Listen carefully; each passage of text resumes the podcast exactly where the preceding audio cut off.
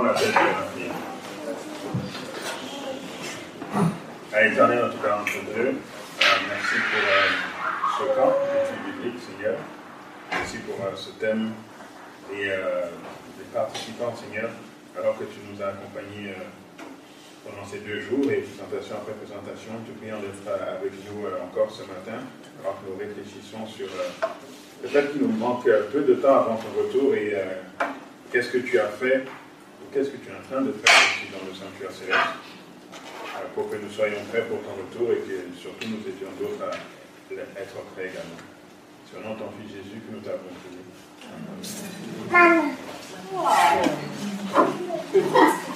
Donc,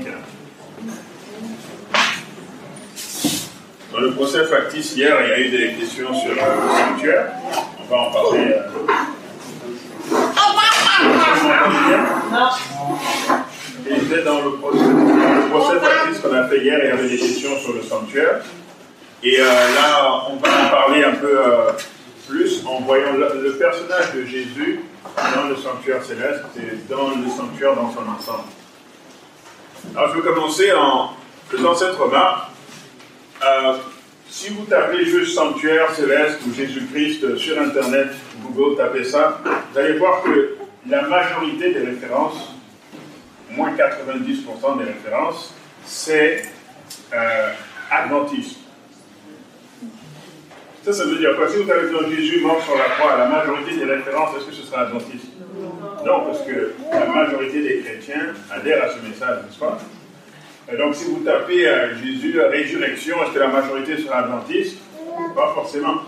Mais lorsque vous tapez sanctuaire, je vois que c'est ait des références autres qu'adventistes qui sortent.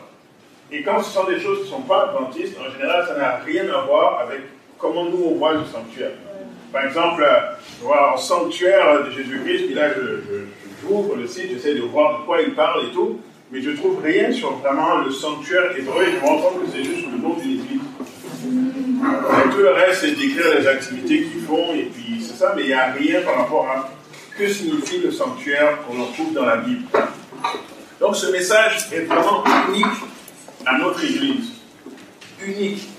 Alors, je ne dis pas qu'il n'y a aucune autre Église qui étudie le sanctuaire, mais notre interprétation du message, de notre compréhension du sanctuaire hébreu est vraiment exclusive à l'Église adventiste du septième jour.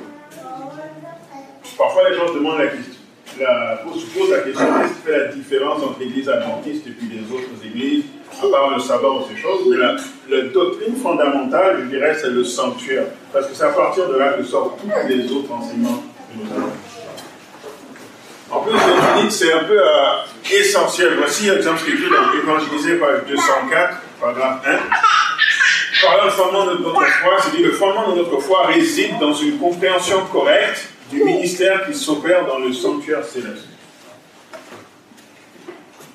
dans les euh, différentes phases de l'Église ou du, peuple de Dieu, euh, pour vraiment comprendre qu'est-ce qui se passait, le peuple était invité à regarder au-delà de leur réalité. Par exemple, lorsque Jésus est venu il y a 2000 ans, il est mort, il est ressuscité, pour que ce petit groupe qui était avec Jésus et ceux qui se sont joints puissent comprendre maintenant qu'est-ce qui va se passer, c'est quoi la nouvelle foi qui va naître, il fallait qu'ils enlèvent le regard de juste qu'est-ce qui se passe autour d'eux et de regarder Jésus dans le sanctuaire céleste.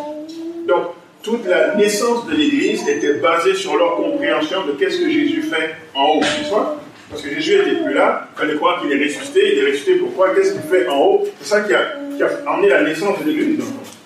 Et puis nous, Adventiste 7 jour aujourd'hui, même chose après la grande déception que vous avez vue dans notre présentation.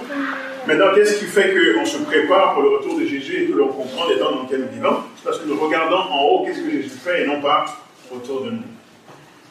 Donc, le fondement de notre foi, c'est de comprendre qu'est-ce qui se passe là-haut. Parce que ça commence là-haut et ça dit qu'est-ce qui se passe sur la terre. Euh, dans le même sens, le paragraphe 2 dit le peuple de Dieu devrait comprendre parfaitement le sujet du sanctuaire et du jugement. Chacun devrait être au courant de la position et de l'œuvre de notre souverain sacrificateur sans cette connaissance, il n'est pas possible d'exercer la foi indispensable en ce temps-ci, ni d'occuper le poste que Dieu nous assigne. Donc chacun d'entre nous devrait comprendre le sanctuaire. Et vous allez voir dans la présentation euh, de ce matin, on va vraiment montrer qu'est-ce que le sanctuaire enseigne essentiellement. parce que parfois on enseigne, euh, j'ai entendu différentes présentations, et euh, parfois on va, trop dans les détails. Vous savez, il y, a, plein de détails là, sur comment le sanctuaire est fait, et puis euh, comment est-ce que les ustensiles, dans quel métal ils étaient, le type de tissu, etc. Et parfois on va rentrer dans des présentations, on va expliquer article par article, détail par détail, qu'est-ce que ça signifie. Et puis je ne dis pas que c'est mauvais de faire ça, mais je dis parfois c'est pas ça que Dieu nous. Quand on lit ça ici, c'est pas de ça qu'on parle. Il faut savoir pourquoi est-ce que les articles étaient en argent, que représente l'argent dans la Bible. C'est pas ça que Dieu, veut parler. Ce que Dieu veut que l'on sache, c'est comment est-ce qu'il va nous sauver. Parce que le sanctuaire est là pour ça. Donc on doit avoir euh, l'image globale, on doit comprendre l'essence du message, et puis euh, les détails, oui, c'est intéressant, mais ce n'est pas essentiel pour sa vie. Mais là, on parle de choses essentielles que chacun d'entre nous doit comprendre. Donc, c'est qu'est-ce que le sanctuaire dit essentiellement. Ok. Euh, raison d'être du sanctuaire euh, hébreu. Donc, euh, voici un texte qui, selon moi, explique bien sa raison d'être. Dans Hébreu chapitre 9 et le verset 9, puis vous allez voir que le livre d'Hébreu est important pour le sanctuaire, surtout le sanctuaire céleste. Il y a une description qui est faite de ce que les articles se trouvent dans le sanctuaire, du ministère qui était fait dans le sanctuaire, et puis vers la fin de toutes ces descriptions, il y a comme une conclusion qui, qui arrive au verset 9 et qui dit c'est une figure pour le temps actuel où l'on présente des offrandes et des sacrifices qui ne peuvent rendre parfait sous le rapport de la conscience de celui qui rend ce culte. Donc on parle du sanctuaire plus haut et on dit c'est une figure. Un mot hébreu ici, figure, c'est le mot parabolé ou parabole. Donc c'est le sanctuaire, c'est une parabole, c'est une image. Maintenant, c'est une, une image de quoi essentiellement? Le, le, sanctuaire, c'est une parabole, c'est une image du plan du salut pour que l'on puisse comprendre comment est-ce que Dieu nous sauve.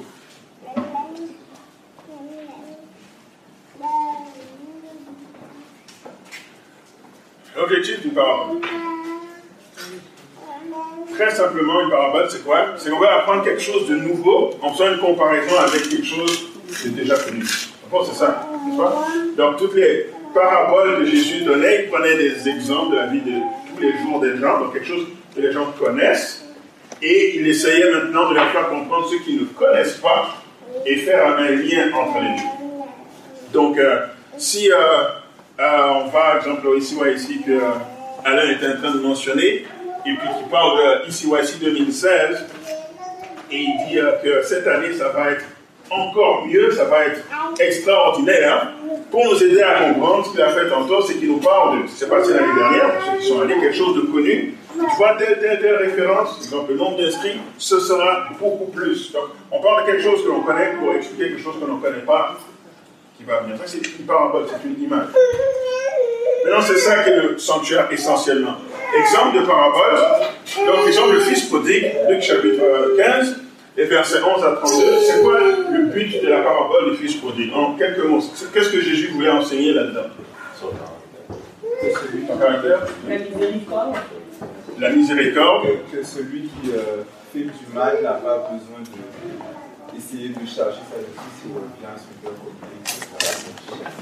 Ok, tout ce que vous dites, c'est bien, mais essayez de voir si la parabole du Fils prodigue et j'essaie de, sortir une leçon. C'est quoi la leçon que Jésus veut donner à travers cette parabole? Parce que je sais qu'on peut l'étudier, ça peut être l'objet d'un message, mais une leçon vraiment simple, c'est quoi? Le Père nous aime, on peut toujours revenir à lui. Le Père nous aime, on peut toujours revenir à lui.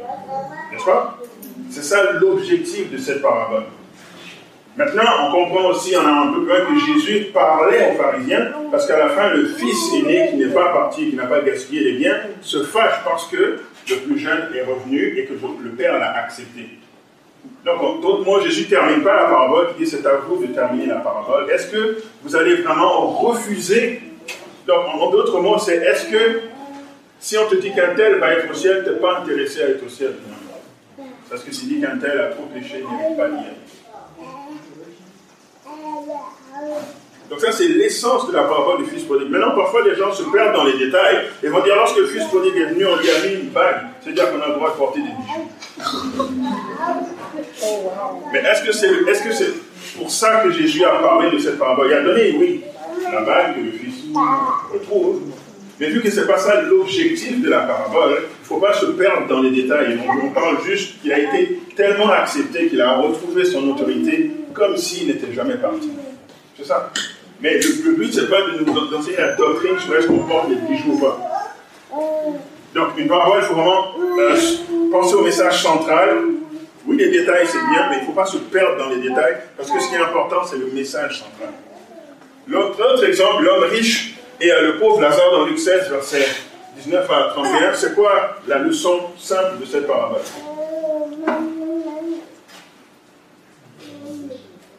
Ah, vous voulez que je rappelle la parabole peut-être Ok. Euh, la question c'est la même que pour le fils prodigue. Qu'est-ce que Jésus voulait enseigner en donnant la, la parabole de l'homme riche et le pauvre Lazare? Donc la parabole de l'homme riche et le pauvre Lazare, donc c'est un homme riche euh, qui est un pauvre à sa porte, et lui il est très riche, l'autre est très pauvre. Les deux meurent, se retrouvent dans le séjour des morts, et celui qui est pauvre, le pauvre Lazare, est dans le sein d'Abraham, et celui qui est riche est dans les flammes, et il demande euh, à Abraham d'avoir dit à Lazare de tremper son doigt dans l'eau et puis de me donner un peu d'eau là parce que là je souffre. Et on lui répond, euh, ben, en fait, euh, il y a un gouffre entre nous deux, donc on ne peut pas, on, on- peut pas t'aider là. Il n'y a pas de, de lien entre ceux qui sont dans le sein d'Abraham et ceux qui sont dans les flammes comme toi. Et là, il dit, euh, ben, si c'est ça, est-ce que vous pouvez au moins envoyer Lazare dire à mes cinq frères de bien se comporter dans leur vie pour ne pas qu'ils aient le même sort que moi? Et là, on lui répond qu'ils ont Moïse et les prophètes, et ils ne comprennent pas. Ils disent, oui, mais, si quelqu'un d'entre les morts va leur parler, peut-être qu'ils vont croire. Et là, on dit, ont Moïse et les prophètes, même si quelqu'un ressusciterait des morts, ils ne croiraient pas. Donc, c'est quoi la leçon de la parabole que Jésus veut donner? Je vous pose la question. L'enseignement simple. Une leçon simple, c'est quoi? On n'a pas deux chances. On n'a pas? On n'a pas deux chances. On n'a pas de chance. C'est ça que ça veut dire. Dans le fond, c'est pas plus tard qu'il faut, se, repentir. Ta chance d'accepter Dieu, c'est maintenant. C'est maintenant que ça se fait. C'est juste ça la leçon de, de cette parabole essentielle. C'est maintenant qu'il faut choisir Dieu. Maintenant, tout simplement, on peut voir que Jésus encore, une fois, s'adressait à son peuple et que les gens ont vraiment manqué le message parce que Jésus a vraiment ressuscité quelqu'un qui s'appelle Lazare et ils n'ont pas tous accepté. Donc, maintenant les gens vont se perdre dans les détails encore. Est-ce que là Jésus voulait dire que lorsque les gens meurent, ils vont quelque part, et là ils se parlent, puis- Est-ce que c'est une parabole pour nous expliquer l'état des morts? Non, le but c'est de dire, tu n'as pas deux chances. Donc, encore une fois, les, les détails, c'est bien dans le sein d'Abraham, il n'y a pas de communication entre nous, mais c'est pas ça le but. L'objectif, c'est vous n'avez pas de chance. C'est ça que Jésus voulait enseigner. Donc, les détails, c'est bien, mais ne nous perdons pas dans les détails. Donc, ce matin, on va voir le message essentiel euh, du sanctuaire et, qu'est-ce- et Jésus, qu'est-ce qu'il fait là-dedans, et non pas euh, aller vraiment dans les détails de chaque, article, etc. Donc, le plan du salut, se trouve dans le sanctuaire, parce que c'est une image, c'est une parabole pour nous aider à comprendre comment est-ce que Dieu va nous sauver. C'est ça l'objectif. Depuis que le péché est entré dans le monde, Dieu a mis un, un plan euh, en action pour nous sauver. Et vu que c'est essentiellement ce qui se passe dans la majeure partie du plan du salut, ça ne se passe pas vraiment ici, mais au ciel, pour nous aider à comprendre le processus, Dieu va nous donner le sanctuaire.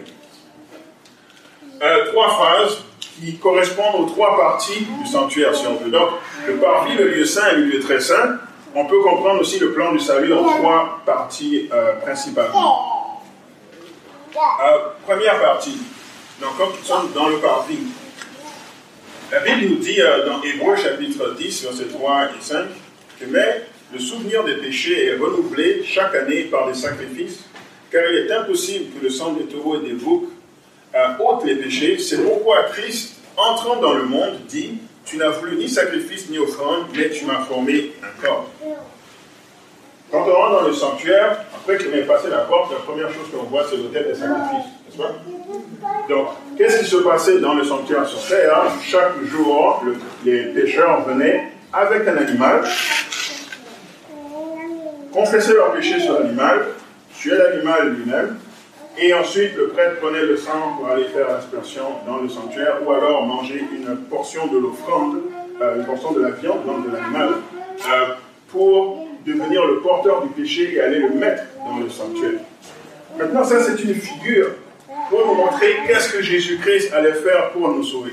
Comment on arrive dans le sanctuaire Il y a une porte. Personne ne rentre dans le sanctuaire seul. Tu peux arriver comme ça dans le sanctuaire et dire au prêtre, ok, qu'est-ce qui se passe Où est ton offrande? Où est ton sacrifice? Qui est-ce qui va mourir à ta place pour ton péché? Donc, en d'autres mots, on ne peut pas venir à Dieu comme ça là. C'est Seigneur, où est Jésus-Christ? Où est celui qui te donne accès au Père? Où est celui qui a fait le sacrifice pour que tu sois accepté de Dieu? C'est la première leçon. On arrive à l'hôtel de sacrifice, Jésus est mort pour nos péchés. Et rappelez-vous, lorsque Adam et Ève ont péché, euh, le système sacrificiel est rentré tout de suite parce qu'ils ont dû, Dieu leur a fait des robes euh, partir euh, de peau. Donc des animaux ont été sacrifiés et Adam et Ève ont tué ces animaux. Donc si moi je suis un Israélite qui vient avec mon animal et je le sacrifie sur l'autel, ce que ça me dit, c'est que c'est moi qui ai péché, mais c'est moi qui m'en sors comme si je n'avais rien fait. Et cet animal est innocent, et c'est lui qui paye le prix.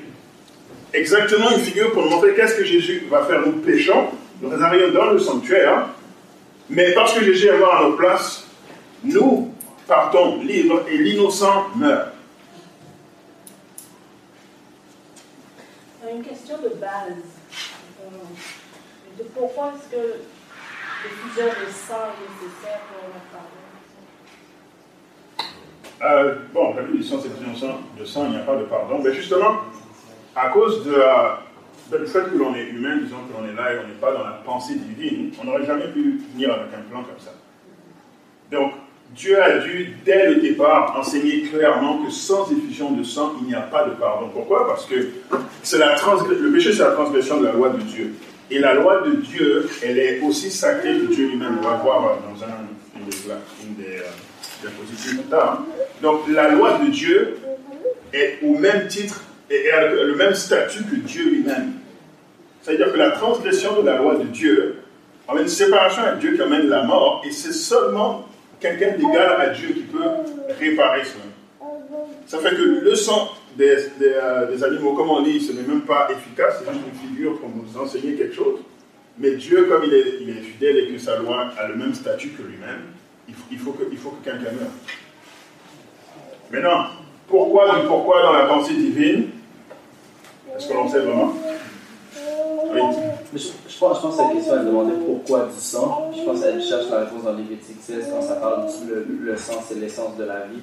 Alors c'est représentatif comme le sang, c'est la vie. Je pense que c'est ça. Ah, ok.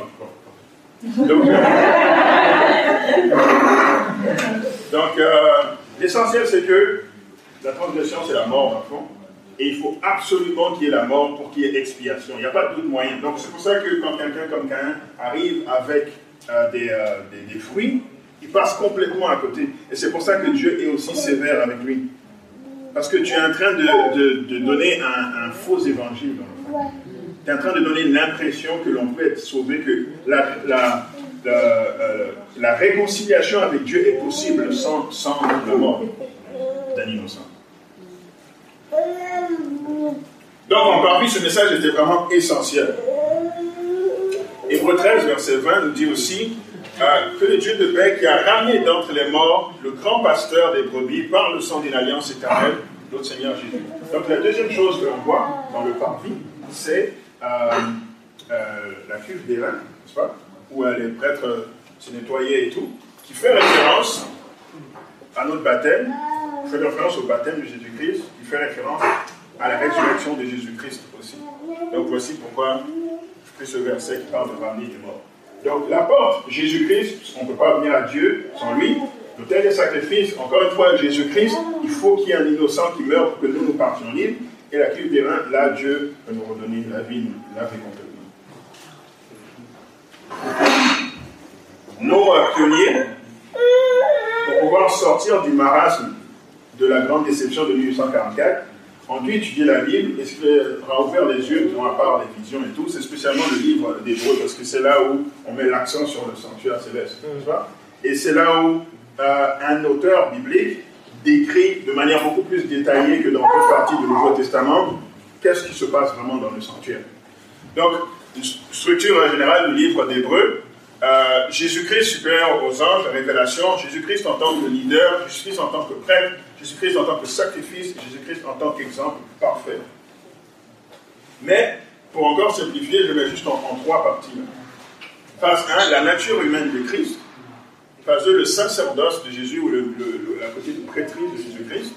Et phase 3, Jésus qui travaille pour la perfection de son peuple. Euh, la nature humaine du Christ, juste un, pas un commentaire, mais un point important Le livre d'Hébreu insiste sur le fait que oui, Jésus-Christ est supérieur aux autres, que ça à cause de son Fils dans le ciel. Il insiste aussi sur le fait que Jésus-Christ est venu sur terre avec la même nature que nous. Donc, il a été tenté en toutes choses comme nous, mais sans commettre de péché. N'est-ce pas? Ça veut dire que si nous suivons l'exemple de Jésus-Christ, nous pouvons nous aussi atteindre un stade sans péché. Maintenant, il y a un gros débat là-dessus pour des gens pensent que Jésus- Jésus-Christ n'avait pas la même nature que nous.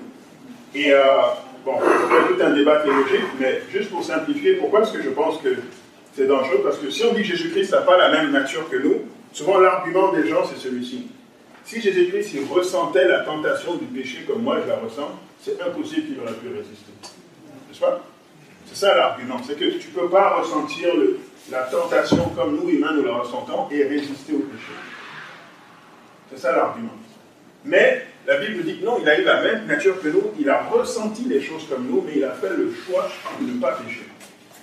Ça veut dire que la clé de la victoire contre le péché, ce n'est pas une question de qu'est-ce que je ressens, mais c'est une question de comment je vois les choses. N'est-ce pas? Je donne, euh, je donne un petit exemple euh, par rapport à dans mon fils.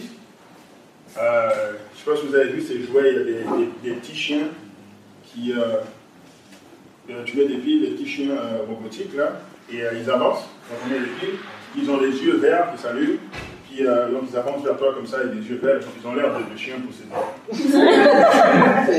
ça fait que je. bon, Quelqu'un nous a donné le cadeau, puis on a allumé le truc, on l'a mis devant, devant mon fils, puis là le, le petit chien se, se déplace et tout. Il a, eu très peur. Maintenant, si on se pose la question, moi je suis là, mon épouse est là, on regarde le chien, le chien, il fait un certain bruit, mon, fils entend le même bruit que moi, n'est-ce pas? Le, chien a les, yeux verts qui s'allument, moi aussi je vois les yeux verts qui s'allument, le chien se déplace et tout. En termes de sens que l'on perçoit là, c'est la même chose.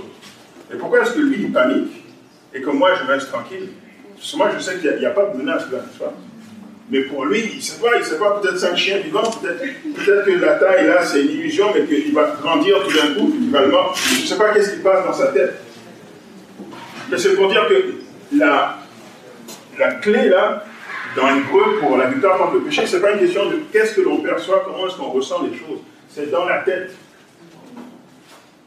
Donc, on doit recevoir le même esprit que Jésus-Christ, le même dégoût pour le péché, la même perception du mal, pour que lorsque les choses se présentent à nous, on puisse aller chercher le secours auprès de Dieu et avoir la victoire. Donc la raison pour laquelle l'homme pêche et l'homme retombe, ce n'est pas une question qu'on ressent les choses d'une manière plus forte que Jésus-Christ. C'est parce que dans notre tête, c'est pas si grave que ça. Ou dans notre tête, il n'y a pas de solution. Ou dans notre tête, ça ne nous intéresse pas. C'est une histoire de comment on voit les choses. Donc Dieu travaille notre cœur pour que nous puissions voir les choses comme lui.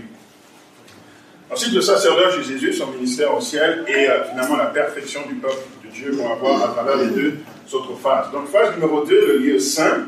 Donc, dans le lieu saint, on trouve les articles suivants la table des pains de proposition, les chandeliers d'or, sept branches, et euh, euh, l'autel des parfums pour l'intercession.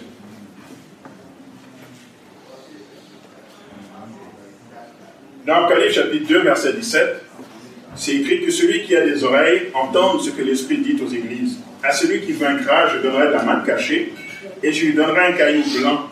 Et sur ce caillou est écrit un nom nouveau que personne ne connaît, si ce n'est celui qui le reçoit. On est dans le début du livre d'Apocalypse, si vous vous rappelez de la présentation de euh, Jean-Michel vendredi. On est dans le début de l'histoire de l'Église aussi.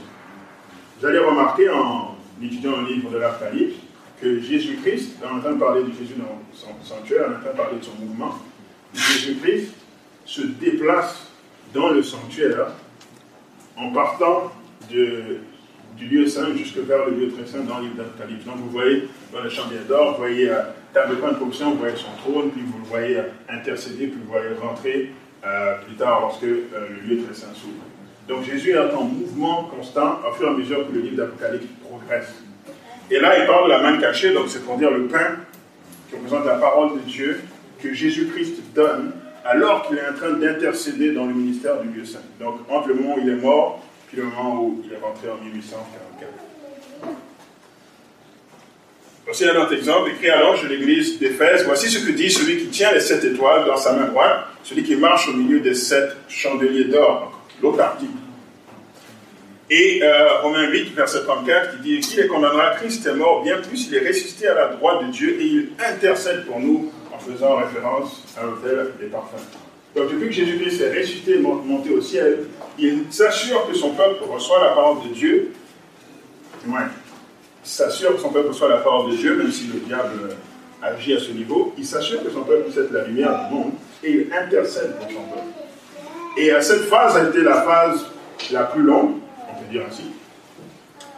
Et euh, le sanctuaire a été attaqué à tous les niveaux pendant cette, phase. Donc, pour l'autel de sacrifice, euh, on- les gens ont dit que le sacrifice de Jésus n'était pas suffisant. Donc, à travers le- l'Eucharistie, on a le pouvoir de sacrifier Jésus encore et encore. N'est-ce C'est ce que l'Église catholique enseigne. La cuve des reins, euh, le baptême quand tu es grand et puis que tu euh, acceptes consciemment de suivre Jésus-Christ, a été vu comme quelque chose qui n'est pas euh, essentiel, donc on peut baptiser les enfants.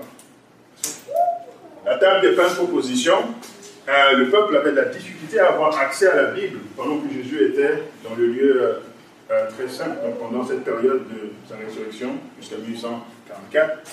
Le chandelier d'or détruisait le témoignage de la persécution de ceux qui osent parler de Dieu. L'autel des parfums, il faut prier les saints et non à Dieu directement. Le confessionnal, l'imitation du sanctuaire euh, terrestre et l'arche de l'alliance où euh, le pape se fait appeler le très saint-père. Et le changement de la loi, euh, le sabbat et le dixième commandement pour que ça puisse rééquilibrer à 10. Mais Jésus, dans cette même période, il a travaillé avec son peuple pour restaurer ces choses-là. Donc on dit que Jésus intercède pour nous, mais concrètement sur terre, qu'est-ce que ça donne? Il a vu toutes ces attaques, il a restauré ces choses-là. Donc en 1300, euh, John Wycliffe a traduit la Bible pour la première fois dans la langue des hommes. Ça c'est pour ramener la parole de Dieu au peuple, la table des pains de proposition. Dans les années 1400, Martin Luther, avec le début du protestantisme, il sauve, euh, sauvé par la foi et non par la grâce. Donc c'est la restauration de ce sacrifice, de l'autel des sacrifices. Dans les années 1500, Jean Calvin, l'église presbytérienne, la prière est une chose très importante, restauration de l'autel des parfums. Donc ces vérités reviennent dans l'église pendant que Jésus est en train de- d'intercéder au ciel. Dans les années 1600, John Smith avec l'église baptiste, euh, l'importance de la, la le, le baptême d'eau. Dans les années 1700, Wesley avec l'église méthodiste, les, les missions sont très importantes, donc être la lumière, le chandelier d'or. Et maintenant, dans les années 1800, avec le mouvement adventiste, puis ensuite l'église adventiste 7 jour, je vais mettre l'accent sur ce qui se passe dans le lieu très saint. Oui, Le diapo devant te dit qu'on est sauvé par la foi et non par la grâce. pardon. Diapo devant te dit qu'on est sauvé par la foi et non par la grâce. La grâce et la foi seulement. Mais t'as dit non par la grâce. Ah, C'était la une erreur, la, la foi et la, la grâce seulement, et non par les œuvres. Non, par, les- par les œuvres et puis euh, les autres choses. Euh, donc c'est ça, Jésus intercède pendant cette période. Concrètement sur la terre, ça se, ça se, trans- ça se traduit de cette manière-là. Et, euh, et maintenant, dans années 800, Dieu, avec le mouvement adventiste, l'église adventiste 7 jour, va vraiment exploiter ce qui se passe dans le lieu très saint. J'ai mis ici euh, un exemple de, euh, photos des choses les, plus, mieux gardées dans le monde. Donc ça, c'est un exemple euh, de, ce qu'il y a dans les banques suisses pour garder leur stock d'or. Parce que le stock d'or, c'est très important, la valeur de la monnaie est basée sur le stock d'or. Et chaque pays a son stock d'or très très bien gardé. Donc, si tu rentres dans la banque fédérale, tu, bon, pour l'accueil, certaines personnes peuvent rentrer, c'est pas tout le monde, mais certaines personnes peuvent rentrer. Et plus tu te rapproches de l'endroit où se trouve le stock d'or, moins il y a de personnes qui ont accès, n'est-ce pas Parce que c'est quelque chose d'extrêmement bien gardé.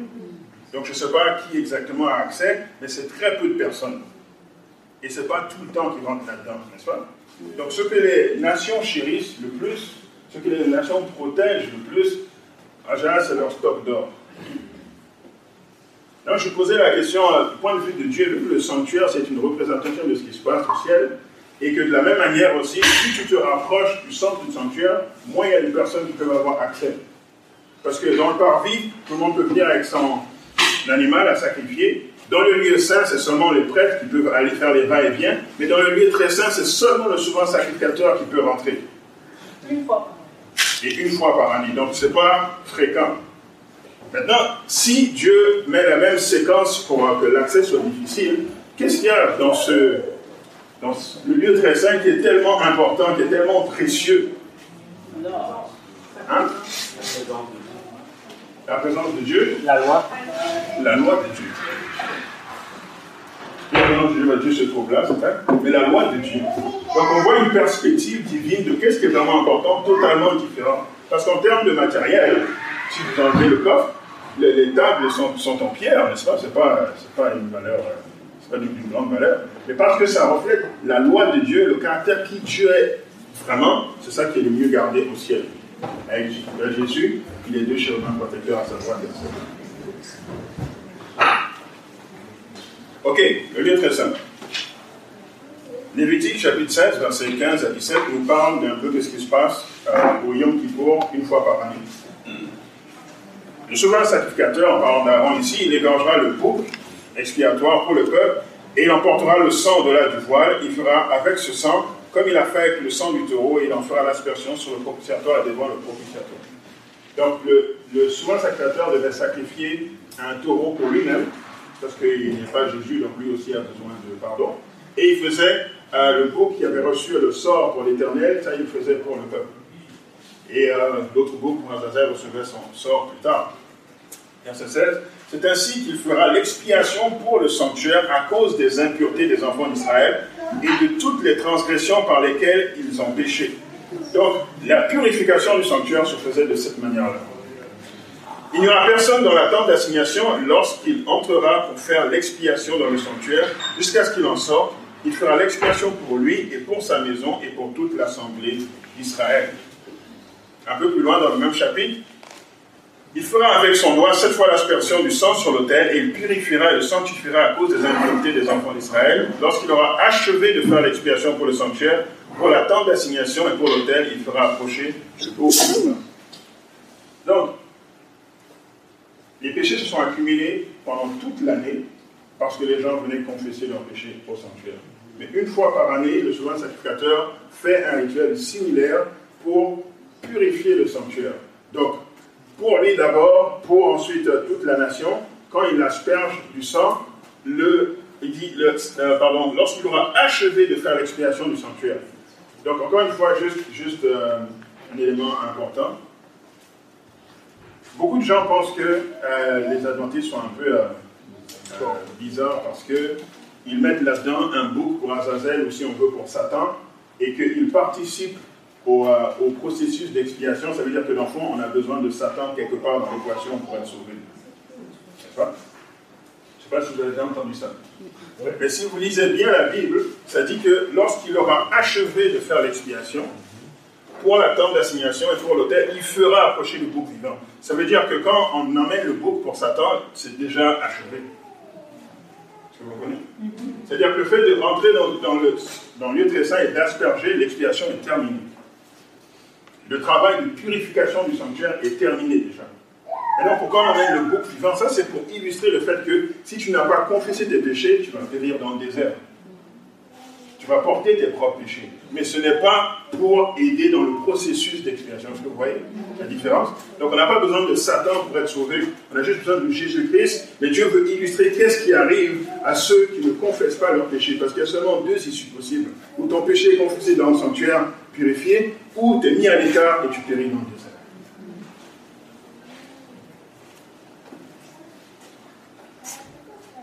Maintenant, ça, ça faisait référence au Oui, pardon. Excuse-moi, c'est quoi le leçon qu'on peut tirer de l'aspersion jusqu'à la- l'arche d'alliance Il y a quelque chose en Parce que le sacrificateur suprême devait asperger le sang au- Oui, c'est c'est- oui, un symbole pour euh, le, le transfert du péché dans le fond. Parce que le, le péché part de moi, le pécheur, qui le met sur la tête de l'animal, qui le sacrifie. La vie de l'animal est dans le sang, le sang est pris et allé met- donc le, péché, de manière figurative, se transfère dans le sanctuaire.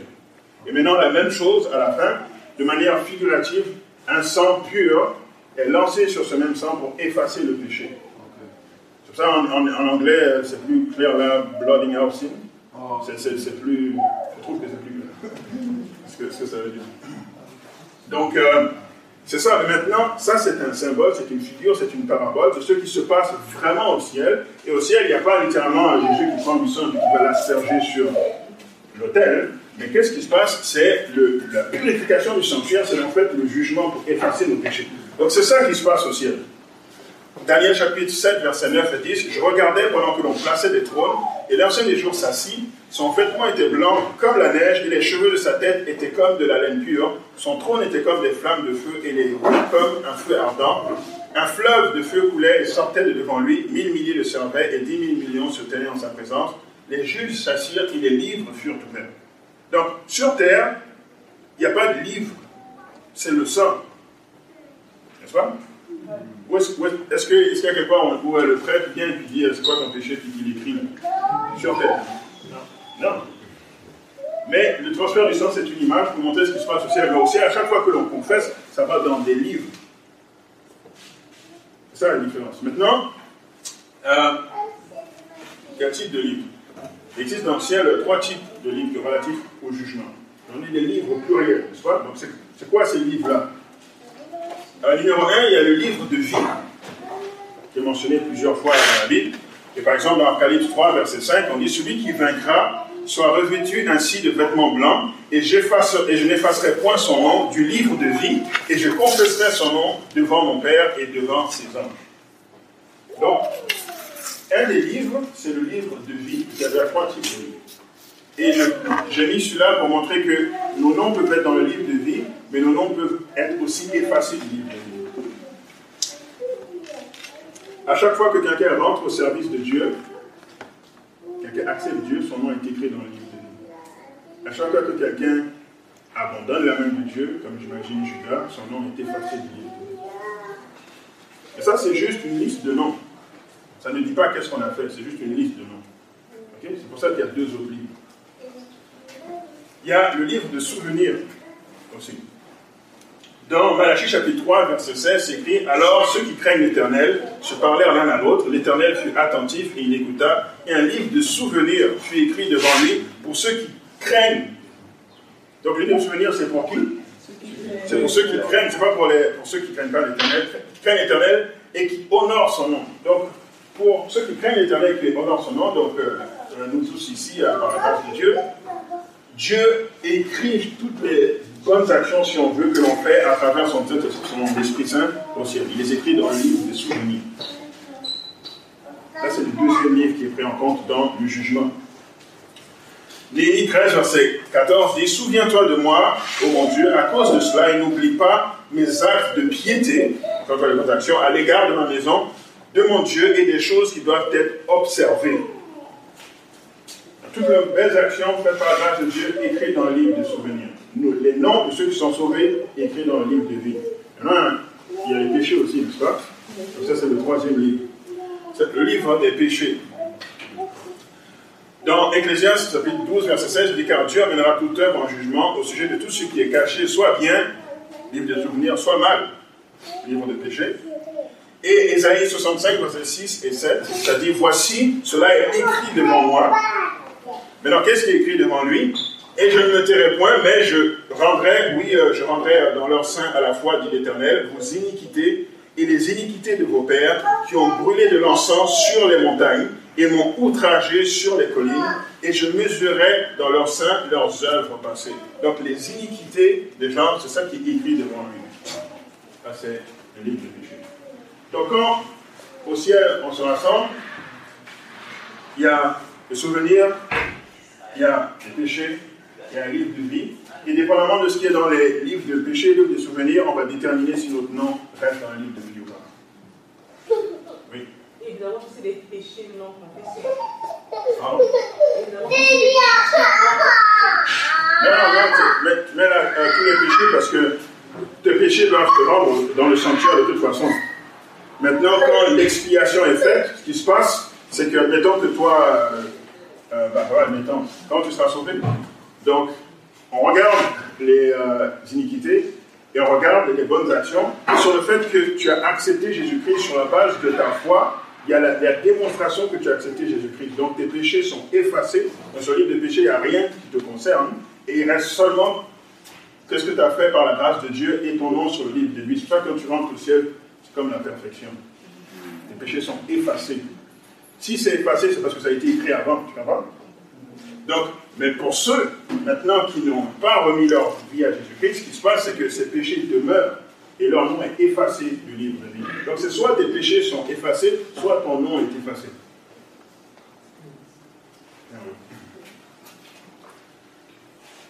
Ok, donc c'est ça, c'est comme ça que Dieu nous sauve. Maintenant, euh, ok, voici une description de ça, après l'échec, page 527, paragraphe 2. L'instruction du jugement et l'effacement des péchés, non, parce que c'est écrit avant, n'est-ce pas? L'effacement des péchés auront lieu avant le retour du Seigneur. Puisque les morts doivent être jugés d'après ce qui est écrit dans les livres, on vient de voir c'est quoi ces livres, leurs péchés ne peuvent pas être effacés avant que leur cas ait été examiné.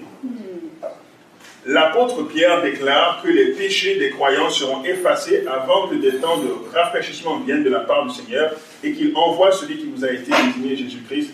Euh, c'est ça. Donc l'instruction du jugement terminée, le Seigneur viendra et sa récompense sera avec lui pour rendre à chacun selon ses œuvres.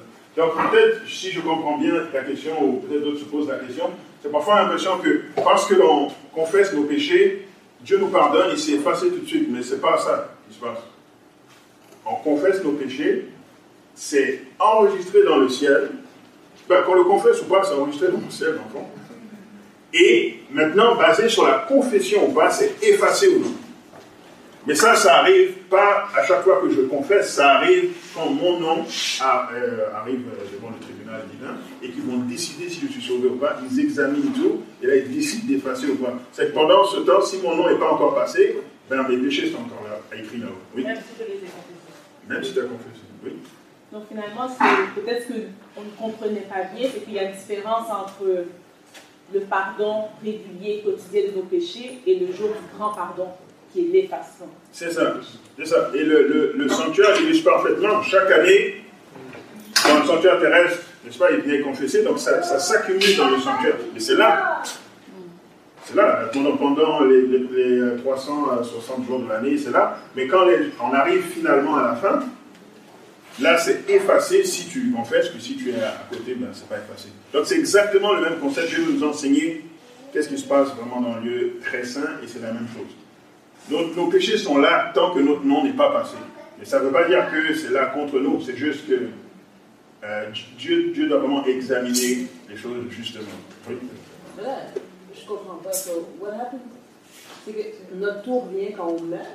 Parce que si mon cas passe avant que je meure, then les autres péchés, what happens to them? Non, euh, depuis que Jésus est rentré dans le lieu très saint, le jugement a commencé, en commençant par les morts, jusqu'à. euh, ensuite, on va arriver aux vivants. Mais euh, Jésus-Christ, oui, ça fait beaucoup de personnes. Donc toutes les personnes qui ont vécu depuis le début jusqu'à la fin. Ça veut dire que à un moment donné, Dieu aura fini d'examiner tous les cas des morts et puis il va arriver sur les vivants. Mais est-ce que ça va être les vivants? C'est- Ça va être ceux qui vont péché après ou pas? Oui, parce que parce que euh, euh, il y a quand même il y a quand même une analyse de ceux qui sont pas scellés là, mais c'est vrai que Dieu, c'est vrai ce que tu dis que Dieu met la priorité sur ceux qui sont sauvés, parce que n'oublions pas que ceux qui sont pas sauvés, il y a un autre mille ans pour continuer à les juger eux. Mais nous, Dieu doit s'assurer en arrivant à eux, s'assurer que euh, c'est euh, sécuritaire de nous amener au ciel. Pas que les gens se disent, mais qu'est-ce qu'il fait là, lui? Est-ce que. Est-ce que...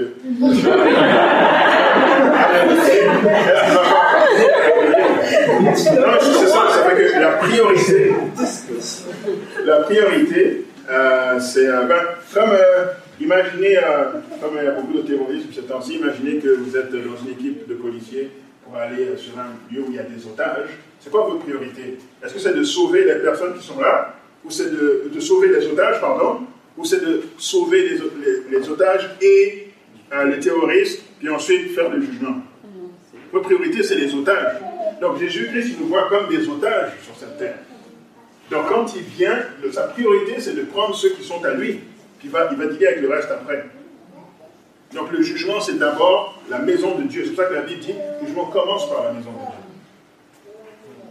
Dieu. Et euh, donc c'est ça. Maintenant, quand est-ce que mon nom va passer en tant que vivant? Ça, ça, ça, on ne sait pas. Mais on a de péché après. Bon, maintenant, oui, c'est ça. Maintenant, quand le nom des vivants passe, ça c'est sûr, c'est fin, fin des temps, et puis c'est là où vient que celui qui est saint. Mais il y a les jours. Les gens meurent tous les jours. À un moment, il va, Dieu va arrêter de juger les morts. puis Il y a des morts, il y a des morts tous les jours. Mais il y a, il y a un moment, il y a, il y a un moment où Dieu cesse son œuvre. Et le, le sort est déjà scellé, même si tu meurs après. Par exemple, les- par exemple euh, le, le déluge. Dans le moment où, où, euh, Noé est rentré dans l'arche, et le moment où le déluge est tombé, il y a eu sept jours. Je suis pas mal sûr que pendant ces sept jours, il y a des gens qui sont morts. Mais leur, leur sort était déjà décidé. Vous comprenez? Oui. Pour nous, on peut dire que la loi dominicale sera la fin du jugement des vivants. La loi de? La fin du jugement de, de, de, de mort commence le jugement des vivants. Oui, c'est ça, c'est exactement ça. C'est exactement ça. La- Avec la loi dominicale? T'as dit la loi dominicale Ah, ok. La fin du temps de grâce, c'est ça qui. euh, Non, pardon. Je recommence, je recommence. Quand le, le temps de grâce arrive, Dieu a fini de juger tout le monde, tout le monde, vivant et mort. Maintenant, à quel moment exactement est-ce que Dieu va passer des vivants aux morts? On on ne sait pas. Ou alors si. euh, Pardon? Après la loi dominicale, personne ne peut se savoir. Non, non, parce que quand la loi dominicale passe, n'oublions pas que la loi dominicale passe en phase. Donc on va voir la loi du dimanche arriver et au début ce ne sera pas une menace, hein, vous savez ça? Au début ce sera juste euh, un jour de repos, on va continuer d'observer le sabbat et tout. Mais pour nous ça va sonner l'alerte que c'est fini parce que la, la boule de neige est, est enclenchée. Donc quand la loi du dimanche vient, à ce moment-là, euh, ça devient la marque de la bête. Donc, on a encore à prêcher à des gens qui, cette fois, peuvent recevoir la marque de la bête, vous avez une dernière chance d'être sauvés. Donc, il y a encore un temps de grâce, c'est-à-dire que Dieu sera encore en train de juger les gens. Euh, maintenant, exactement mort ou vivant, on n'est pas là-bas, on ne sait pas. Ce que, je veux dire, c'est que tu as dit qu'on commence avec la maison de Dieu. Oui, tout ça. C'est- la loi dimanche de clanche qui c'est la fin de tout. c'est- Non, Non, la loi du dimanche, la loi du dimanche ne, ne déclenche pas. Comment, La comment- la fin de, de- La loi du dimanche n'est pas liée à la fin. Avec le de, de la maison de Dieu, si tu veux dire. Non, non. Loi du dimanche, c'est juste quelque chose qui arrive euh, sur terre, là, pour, parce que Satan essaie de nous persécuter. C'est ça, Satan essaie de nous persécuter. Maintenant, c'est juste que Dieu va estimer que lorsque la loi du dimanche va venir, les péchés de Babylone vont atteindre jusqu'au ciel. Donc, comme Sodome et Gomorrhe. Donc, ce sera le, le dernier appel pour que les gens sortent de Babylone. C'est-à-dire qu'il y a encore un temps de grâce. Très court, certes, mais il y a encore un temps de grâce. Maintenant, il y a un moment donné où le, temps de grâce sera fini. Nous, on va savoir que c'est fini quand on va voir les sept plaies tomber. Parce que quand les plaies tombent, tu sais que c'est fini. Parce que ça vient après. Donc, euh, mais avant ça, à quel moment exactement Jésus fait le, switch entre les vivants et les morts? Ça, on ne sait pas. Je sais pas. Ou peut-être que c'est écrit quelque part dans la Bible, puis on va découvrir. Mais moi, je ne sais pas en tout cas. Je ne sais pas comment vous montrer ça bibliquement, puis je n'ai pas vu dans l'esprit prophétie où on nous dit à tel événement, on va savoir que Dieu est passé des morts aux vivants. Tout ce qu'on sait, c'est qu'il commence par les morts jusqu'aux vivants et qu'il commence par la maison de Dieu parce que c'est nous qui sommes en otage. Quand on dit euh, commencer par les morts, juste c'est-à-dire depuis Adam. C'est pas, pas random, là. Toutes les personnes qui ont existé sur la terre, toutes, Et Oui, en partant en ordre chronologique, là, on commence Adam et tout, on remonte jusqu'à nous. Donc là, je ne sais pas, peut-être que là, ils sont arrivés au temps des réformes. Martin Luther, je ne sais pas. Mais qu'ils s'approchent de nous. Je ne sais pas c'est quoi la théologie de Dieu, comment ils font ça. Mais un- ça, a lieu depuis 1844. Puis un autre élément important, c'est que si vous comparez le temps qu'on faisait, qu'on officiait régulièrement dans le sanctuaire, c'était toute une année, versus le Yom Kippour, une journée, le temps dans le lieu très saint est très court par rapport au temps dans le parvis et le lieu saint. Donc, si je suis de- dans le lieu très saint depuis 1844, ça veut dire qu'il nous reste très peu de temps. Parce que la- la- le, le parallèle doit fonctionner. Mais est-ce que tu es sûr qu'il n'est pas encore rendu au vivant Je pense que dans ce- cette question précise, il faut l'avoir quasiment comme euh, 1844. Dieu ne donne pas des dates parce qu'il nous éprouve. Parce que ça serait trop facile de dire, OK, il me reste encore trois ans pour arranger des affaires. C'est une question piège, il faut faire attention. Il faut, faut vivre comme si c'était déjà commencé. C'est ça, exactement. C'est- on doit le faire tout le temps, puis c'est tout. Oui. Mais quand la loi du dimanche va passer, le peuple, les gens de Dieu vont pas encore jugés. Ils auront une chance de se reporter. Exemple, les adventistes, ça, ils, euh, dit qu'ils vont juger le peuple avant. Donc si je sais y a la loi du dimanche, je, je sais que j'ai encore du temps, qu'il n'y a pas encore jugé le peuple de Dieu, mais je vais, je vais entendre la loi du dimanche, je vais me répondre. Ce sera l'objet d'une autre présentation. Mais euh, pour les adventistes ou le, le peuple de Dieu, nous, nous, on passe avant. Parce que c'est nous qui avons eu la révélation, n'est-ce pas? Donc, Et ensuite, euh, les autres. Donc quand ces, lois arrivent et tout, euh, surtout un esprit aussi qui dit tout n'est pas encore sorti des villes, c'est maintenant ou jamais. C'est sûr que Dieu aura déjà fini de, voir un peu qu'est-ce qui se passe avec les adventistes, puis le criblage va juste accélérer. Donc, c'est mieux de ne pas jouer euh, avec le temps que quand la loi arrive, parce que moi je pense que pour les adventistes, là, sera, ce sera trop tard. Oui. C'est juste qu'au niveau du jugement, il faut comprendre, ok, on, est toujours jugé dans le sens que c'est pas comme si Dieu accumule tout pour la fin. À notre quotidien, on reçoit des, jugements et tout ça, mais le jugement, c'est celui qui nous fait passer soit dans la vie éternelle ou la mort éternelle. Donc, tout ce qui se passe avant le retour de Christ concerne le peuple de Dieu. Fait que, du dimanche ou pas, ça a rapport avec tous ceux qui ont proclamé avoir mis leur foi en Dieu, qui sont restés ou pas. Le jugement des méchants, corrige-moi si je me trompe, c'est pendant le millénium. Il n'y a pas rien à, Je parle là vraiment parce qu'on revoit les cas pour la décision finale. Quand je dis décision finale, mais là, quand on parle de jugement, c'est la, révision des cas, vie par vie. Tous ceux qui n'ont pas accepté Christ, c'est pendant le millénium. C'est ça que je fais ma compréhension biblique de la Oui, donc euh, c'est ça. Dieu s'attend à ce que nous soyons prêts avant tous les autres, parce que nous avons le plus de lumière. Point barre. Ça fait que la loi du dimanche, là, c'est pas supposé être un moment où nous, nous commençons à demander qu'est-ce qui se passe. C'est supposé être prêt depuis longtemps. Ça fait que quand ça arrive, on fait juste sortir. C'était ça, ça, ça, ça, ça. Maintenant, pour être prêt, tu dois faire ce que moi j'ai fait sur 15 ans. C'est ça, ça, ça, ça, ça. Et tu as 6 mois. C'est- ça qui, qui doit se passer. Oui? Que c'est correct de dire euh, que the sealing of God, Oui. c'est un process dans la vie Ou est-ce que c'est un moment que tu décides, ok, c'est- c'est aujourd'hui le sealing?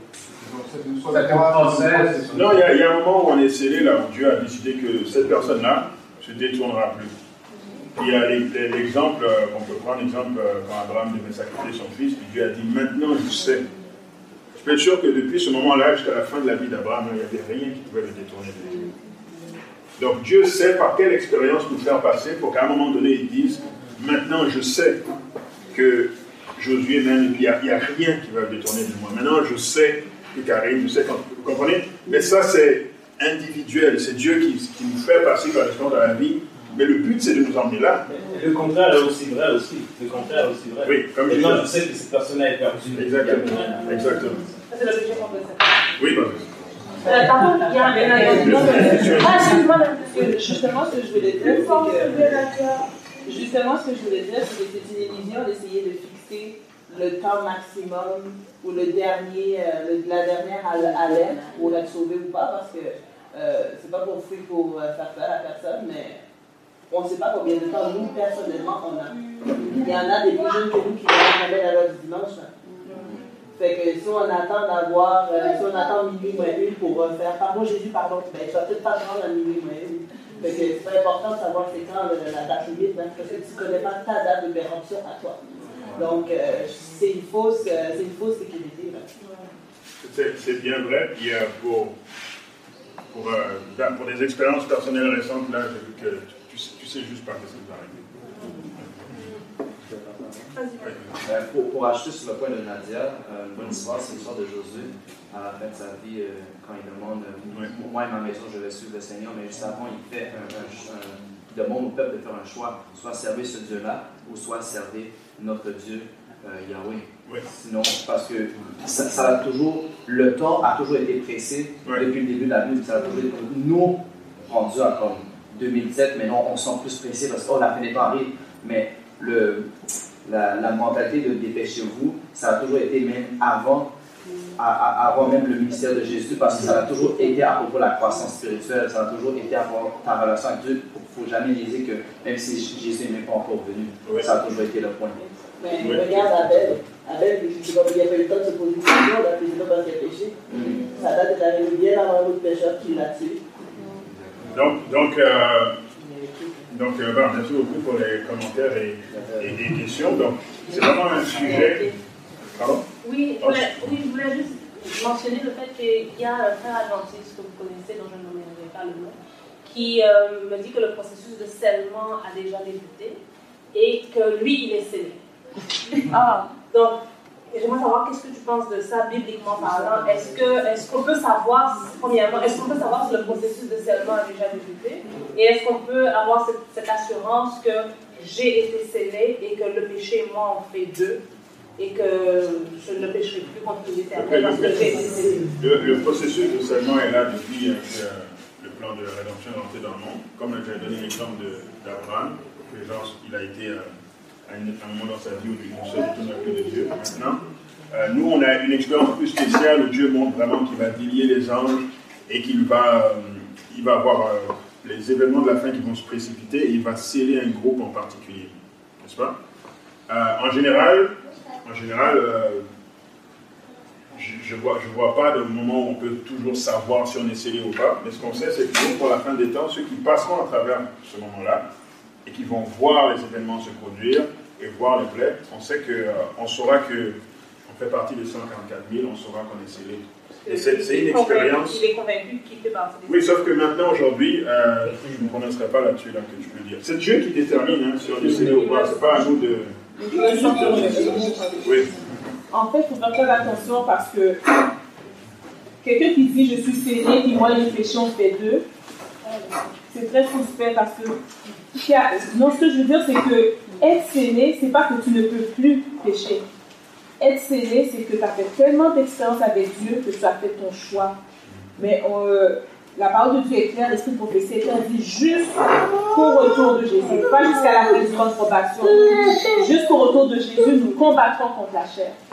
Les scellés, c'est ceux qui vont systématiquement choisir de rester obéissants. Parce que ce qui arrive, c'est qu'il y, a- eu, dans le mouvement adventiste, il y a souvent eu ça, des gens qui disent, OK, moi je suis scellé, donc je ne peux plus pécher. Ça, c'est faux. Parce que le péché, le péché ça toujours, on, va toujours lutter contre. Parce que ce qu'il dit, c'est que même la tentation ne me fait plus rien. C'est pas ça. Une personne scellée, c'est une personne qui a atteint le point de non-retour en termes de systématiquement choisir la volonté de Dieu au-dessus de sa volonté. Mais la, lutte entre la chair et l'esprit va durer jusqu'au retour parce que la parole de Dieu nous dit que euh, la corruption ne peut hé- hériter de l'immortalité. Et il faut que, notre corruptibilité devienne incorruptible, que, que ce corps mortel revêt l'immortalité. C'est seulement lorsqu'on aura notre corps physique transformé que là, vraiment, on pourra dire que le péché n'a plus d'emprise. Il n'a plus de possibilité. Merci, merci beaucoup. Comme ça, Vous avez- Oui. Donc, on voit qu'Abraham était scellé, mais est-ce que lui savait à ce moment-là qu'il était scellé Je ne sais pas si euh, lui, lui, personnellement, comment il a vu si c'était scellé ou pas. Mais euh, nous, pour nous qui étudions la vie avec le recul, c'est clair parce que tu vois le reste de sa vie et tu vois la déclaration que Dieu a faite.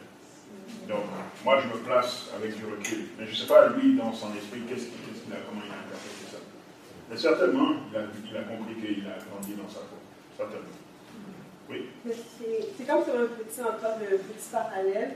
C'est comme on parlait tantôt euh, d'examen. Si on sait qu'on se prépare pour un examen, on aurait plus, on, on, aurait plus de confiance à savoir qu'on va passer cet examen-là.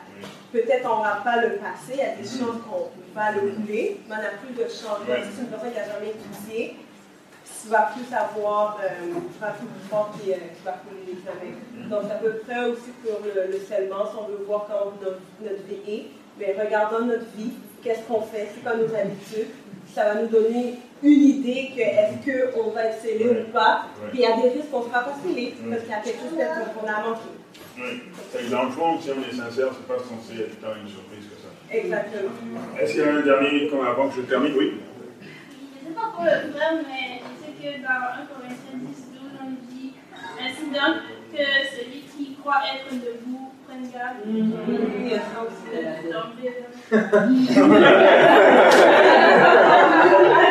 C'est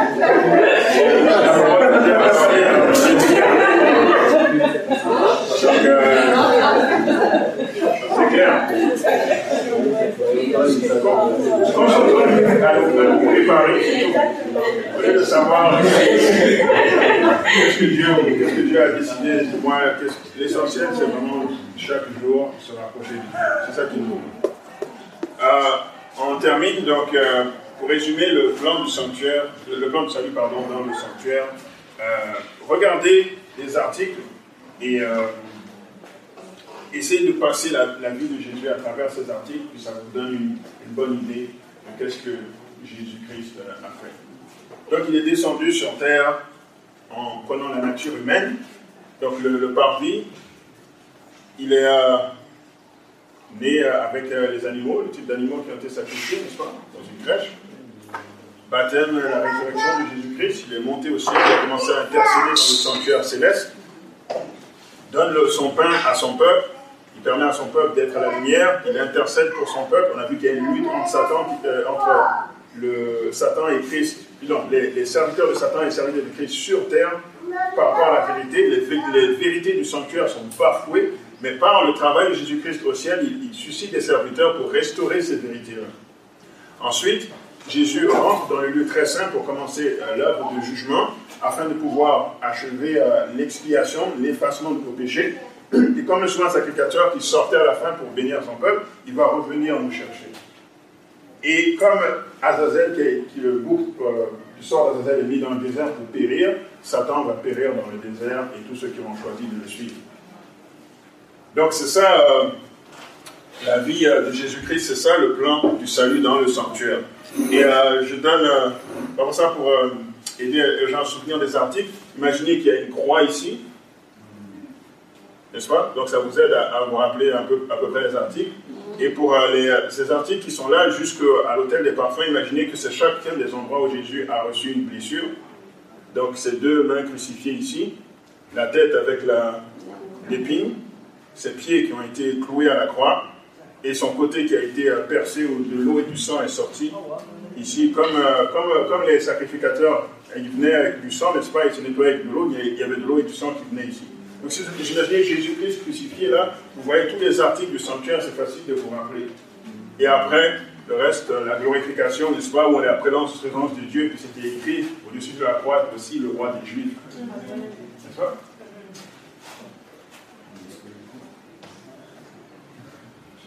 Le sanctuaire, c'est euh, comment est-ce qu'on parle d'un monde de péché, enfin d'un état de péché pour revenir à Dieu? Donc, on voit aussi les étapes simples de retour. Justification, sanctification, glorification. Parce qu'on est en redevient face à Ok, on achève. Ok, les objectifs du plan du salut. Pourquoi est-ce que Dieu a fait tout ça? C'était quoi les objectifs qu'il avait en tête? Euh, On peut en voir de plusieurs manières, puis Jonathan en a, parlé un peu, mais euh, disons qu'on la divise en quatre. Qu'est-ce que Dieu avait en tête? Pourquoi est-ce qu'il a fait le plan du salut comme ça? C'est parce que Dieu avait un dilemme extraordinaire. C'était une équation que seul, que seul un esprit divin pouvait résoudre, n'est-ce pas, avec le problème du. Euh, vraiment, il faut justifier le caractère de Dieu. Parce que n'oublions pas, la, racine là, de, la rébellion, c'est que Dieu n'est pas juste et que sa loi est impossible à observer. Donc, en a un exemple dans Job, par exemple, où euh, Satan dit Mais tant il touche à ceux qui lui appartiennent, je suis sûr qu'il te maudit en face. En d'autres mots, euh, il te sert parce que tu le bénis, mais personne ne peut t'aimer par amour. Parce que tu n'es pas un Dieu qui, qui mérite d'être aimé par, par amour. Parce que tu n'es pas amour. Parce que tu n'es pas vraiment ce que tu prétends être. Donc, Dieu doit justifier son caractère. Ça veut dire qu'à travers toute l'histoire du péché et puis ce que Dieu fait dans le sanctuaire, il faut qu'à la fin, tout le monde puisse dire Dieu est juste. Et la justice de Dieu est tellement euh, poussée que Dieu n'est pas juste satisfait que. Euh, euh, voir le deuxième point. Dieu n'est pas juste satisfait que ceux qui n'ont pas péché disent que Dieu est juste. Dieu veut que même ceux qui vont être détruits arrivent à la conclusion qu'il est juste. C'est un niveau de justice supérieur à ce qu'il y a sur cette terre. Sur cette terre, quand tu fais un crime et tu vas devant la cour, que le coupable il est reconnu qu'il soit coupable ou pas, c'est pas important. Tu vas aller en prison si le juge a décidé que tu vas en prison. Mais Dieu, dans sa justice, avant de, te- de détruire finalement les, les- les pécheurs, il va s'assurer qu'eux-mêmes soient convaincus méritent ce qu'ils vont recevoir. Ça, c'est incroyable. Qui peut faire ça. Donc, le deuxième objectif, c'est de s'assurer la loyauté des êtres qui n'ont pas péché. Parce que, n'oublions pas, il y a d'autres, nous ne sommes pas les seuls que Dieu a créés, n'est-ce pas? Donc, quand le péché est entré dans le monde, en, en résolvant le problème du péché, Dieu veut s'assurer que les autres vont rester fidèles et être convaincus qu'il est juste. Il leur fut révélé, 1 Pierre 1, verset 2, il leur fut révélé que ce n'était pas pour eux-mêmes, mais pour vous qu'ils étaient dispensateurs de ces choses, euh, euh, que vous ont annoncé pardon, maintenant ceux qui euh, vous ont prêché l'évangile par le Saint-Esprit envoyé du ciel et dans lequel les anges désirent plonger leur regard. Donc, les créatures qui n'ont pas péché sont aussi intéressées par le plan du salut pour comprendre qu'est-ce que Dieu est en train de faire. No. Ah, il ne reste pas beaucoup, c'est pas grave. L'exemple que. euh, ah, L'exemple que euh, euh, je donne, vous avez déjà entendu ça, n'est-ce pas? L'exemple que euh, je donne, c'est que souvent quand vous parlez à des gens athées, ils vont dire Mais Dieu savait que Lucifer allait faire ci, ça, pourquoi est-ce qu'il ne l'a pas tué, tout ça Donc il y a deux problèmes là-dedans, c'est que probablement, eux, ils ne prennent pas en considération que Dieu avait créé d'autres êtres avant. Dans leur tête, Dieu est tout seul là, puis il y a Satan qui apparaît, puis Satan veut devenir méchant, pourquoi il n'a pas juste tué puis arrêté ça Mais Dieu a créé myriades d'autres créatures avant que nous nous venions. Nous sommes les, les, les Benjamins là, de la création. N'est-ce pas?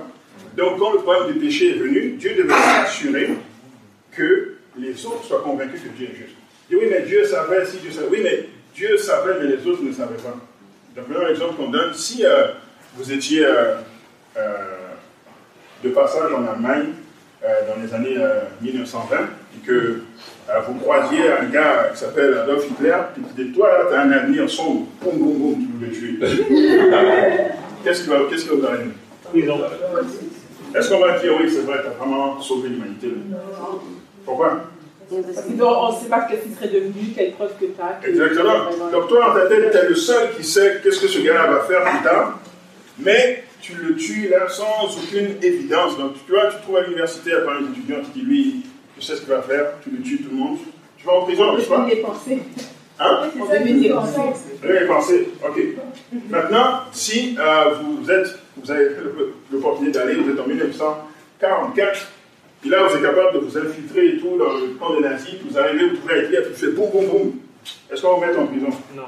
Pourquoi? Parce les vu tout ce qu'il a. On a des preuves L'évidence est, est énorme, tu vois. Vous devenez un héros. Donc, dans le premier exemple, vous allez en prison. Dans le deuxième, vous êtes un héros. C'est quoi la différence C'est. Donc, même si Dieu sait que Satan va faire ci, ci, ça, parce qu'il y a lui seul qui sait, il est obligé de laisser dans une certaine mesure les évidences se manifester. Comme ça, quand tu vas dire, ok, maintenant le temps est venu de détruire, tout le monde va dire, Seigneur, tu es un héros.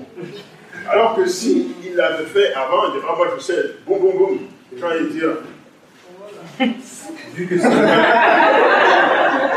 vu que tu es Dieu, c'est ça.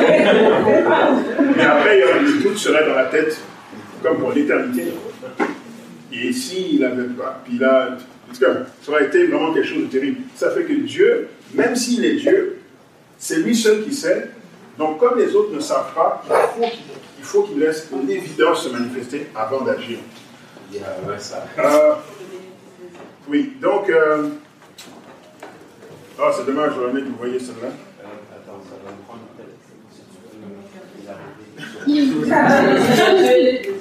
oui, question. Ah, mais c'est pas une question de pour commenter par rapport à ça. Il ne faut pas oublier que on pense au conflit entre le bien et le mal, mais dans, dans le dans l'Apocalypse, quand ça dit le mot guerre, la guerre en mécanique, c'est genre ça, le mot qui est utilisé, c'est polemos. Donc, en gros, le mot, c'est comme un argument. C'est comme une, controverse, comme, comme Ken White dit c'est pas juste, euh, c'est pas comme Star Wars. Hein. On n'est pas, pas, dans un film, c'est pas, c'est une guerre de qui est Dieu, est-ce qu'il est vraiment amour? Alors on a le Satan qui dit, oh mais Dieu n'est pas amour. Maintenant, imaginez en contexte humain, il y a quelqu'un qui fait, ok, Obama a fait telle, telle, telle chose, après ça, le lendemain, la personne a disparu. Qu'est-ce qu'il va le faire? Oh, c'était vrai.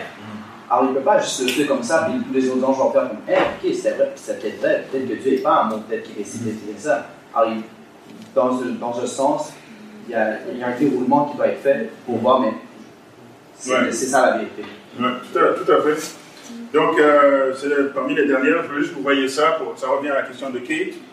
Euh, ça, c'est ce qui dit qui Dieu est, puis ça, c'est qu'est-ce que la loi de Dieu est, et c'est les mêmes caractéristiques. Donc, Dieu et sa loi, c'est quasiment la même chose. C'est la même chose. Donc, voici pourquoi elle est tout aussi sacrée, pourquoi est-ce que Dieu ne pouvait pas passer à côté et le salaire du péché est la mort. Euh, dans les deux derniers objectifs, maintenant, euh, sauver les pécheurs, bien sûr, car le Fils de l'homme est venu pour sauver ceux qui étaient perdus. Donc, nous, nous, nous sauver, ça fait partie du plan de salut, mais ce n'est pas la seule raison. Il y a les autres raisons. Et maintenant, à la fin, détruire Satan et tous ceux qui s'attacheront au péché, Matthieu 25, 41. Donc, ensuite, il dira à ceux qui seront à sa gauche Retirez-vous de moi, maudit, allez dans le feu éternel qui a été préparé pour le diable et pour ses anges. Donc avant que Lucifer soit détruit et que euh, tous ceux qui le suivent le soient, il faut vraiment que l'évidence soit très claire. Euh, le temps qui reste dans la grande controverse est très court par rapport à notre thème aussi, encore un peu, un peu de temps. L'essentiel, c'est de se préparer. Jésus est en train de faire le jugement au ciel. Soyons prêts, c'est tout. Il n'y a, rien d'autre. Il n'y a, pas à avoir peur, n'est-ce pas? Parce que nous, marchons avec Jésus. Par sa il reviendra nous chercher. Je finis avec euh, cette citation, la taille des siècles. Moi, j'adore ce passage qui montre comment est-ce que la grande controverse termine complètement. Donc, on va, on va lire ça ensemble, puis ensuite, euh, on va faire la prière. Donc, comment est-ce que Dieu va... La dernière, dernière scène, qui est, qui est dire, comble ma soif de justice? La des siècles, page 724, paragraphe 1. Donc, tous les méchants sont en dehors de la Nouvelle Jérusalem, ils essayent d'attaquer, mais juste avant d'attaquer la Nouvelle Jérusalem sous les ordres de Satan, il y a cette scène qui se produit.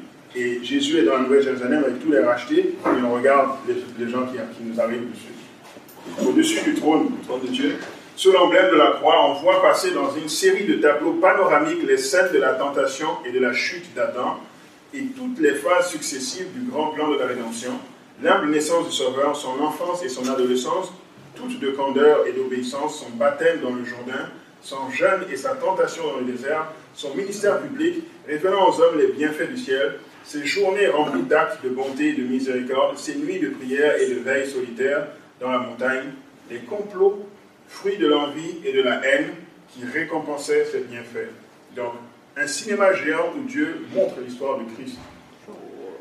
L'angoisse et mystérieuse agonie de Gethsemane où il porta le poids écrasant des péchés du monde, les heures nocturnes au milieu d'une foule meurtrière, et les signes événements de cette nuit d'horreur, la désertion de ses disciples bien-aimés, la violence de la, euh, la soldatesque le long des rues de Jérusalem, les clameurs de la foule, les comparutions chez Anne au palais de Caïphe, au tribunal de Pilate et devant le lâche et cruel Hérode, des sarcasmes, les injures, les flagellations, la condamnation à mort, tout cela défile avec une réalité saisissante.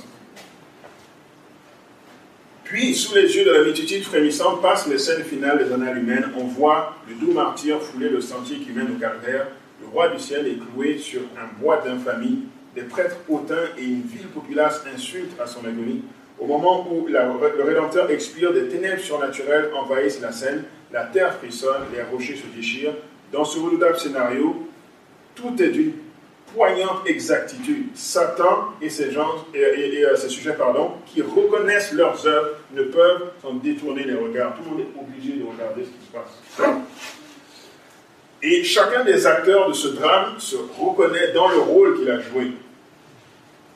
Hérode, qui euh, massacra les innocents de Bethléem en tentant de faire mourir le roi d'Israël, l'infâme Hérodias qui changea euh, sa, euh, qui changea sa conscience du sang de Jean-Baptiste, qui changea sa conscience du sang de Jean-Baptiste, Pilate faible et opportuniste, les soldats ricaneurs, les sacrificateurs, les chefs et la foule en démence qui criaient que son sang soit sur nous et sur nos enfants, tous voient l'énormité de leur faute.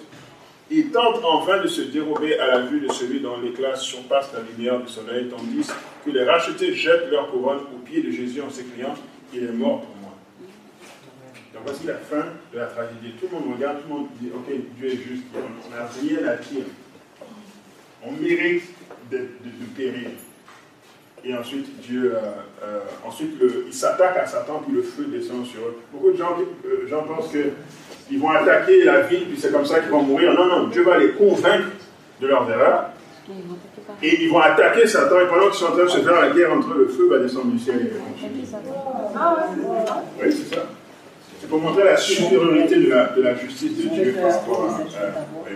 Donc voilà euh, l'appel que Jésus euh, nous fait ce matin. C'est euh, de tout simplement vivre une vie euh, de sanctification et que tout ça tourne à notre avantage et pour aider les autres aussi à, à être prêts pour le retour de Jésus. Amen. Ok, sauvons la tête pour la paix. Éternel, Père, notre Dieu, merci infiniment pour euh, ton ministère dans le sanctuaire, Seigneur, et ce que tu fais pour nous. Aide-nous, Seigneur, à, apprendre ces choses et à les mettre en pratique dans nos vies. Aide-nous, Seigneur, à ne pas être euh, effrayés par les scènes de jugement, mais au contraire, à, à être dans la confiance et dans la joie que tu es auprès du Père, justement, en train de plaider pour nous, et que la seule chose qui peut nous séparer de toi, c'est nous-mêmes. Et aide-nous à emmener sur le droit chemin toutes les personnes que tu mettras dans notre entourage également. C'est au nom de ton fils Jésus que nous t'avons prié. Amen. Amen. Amen.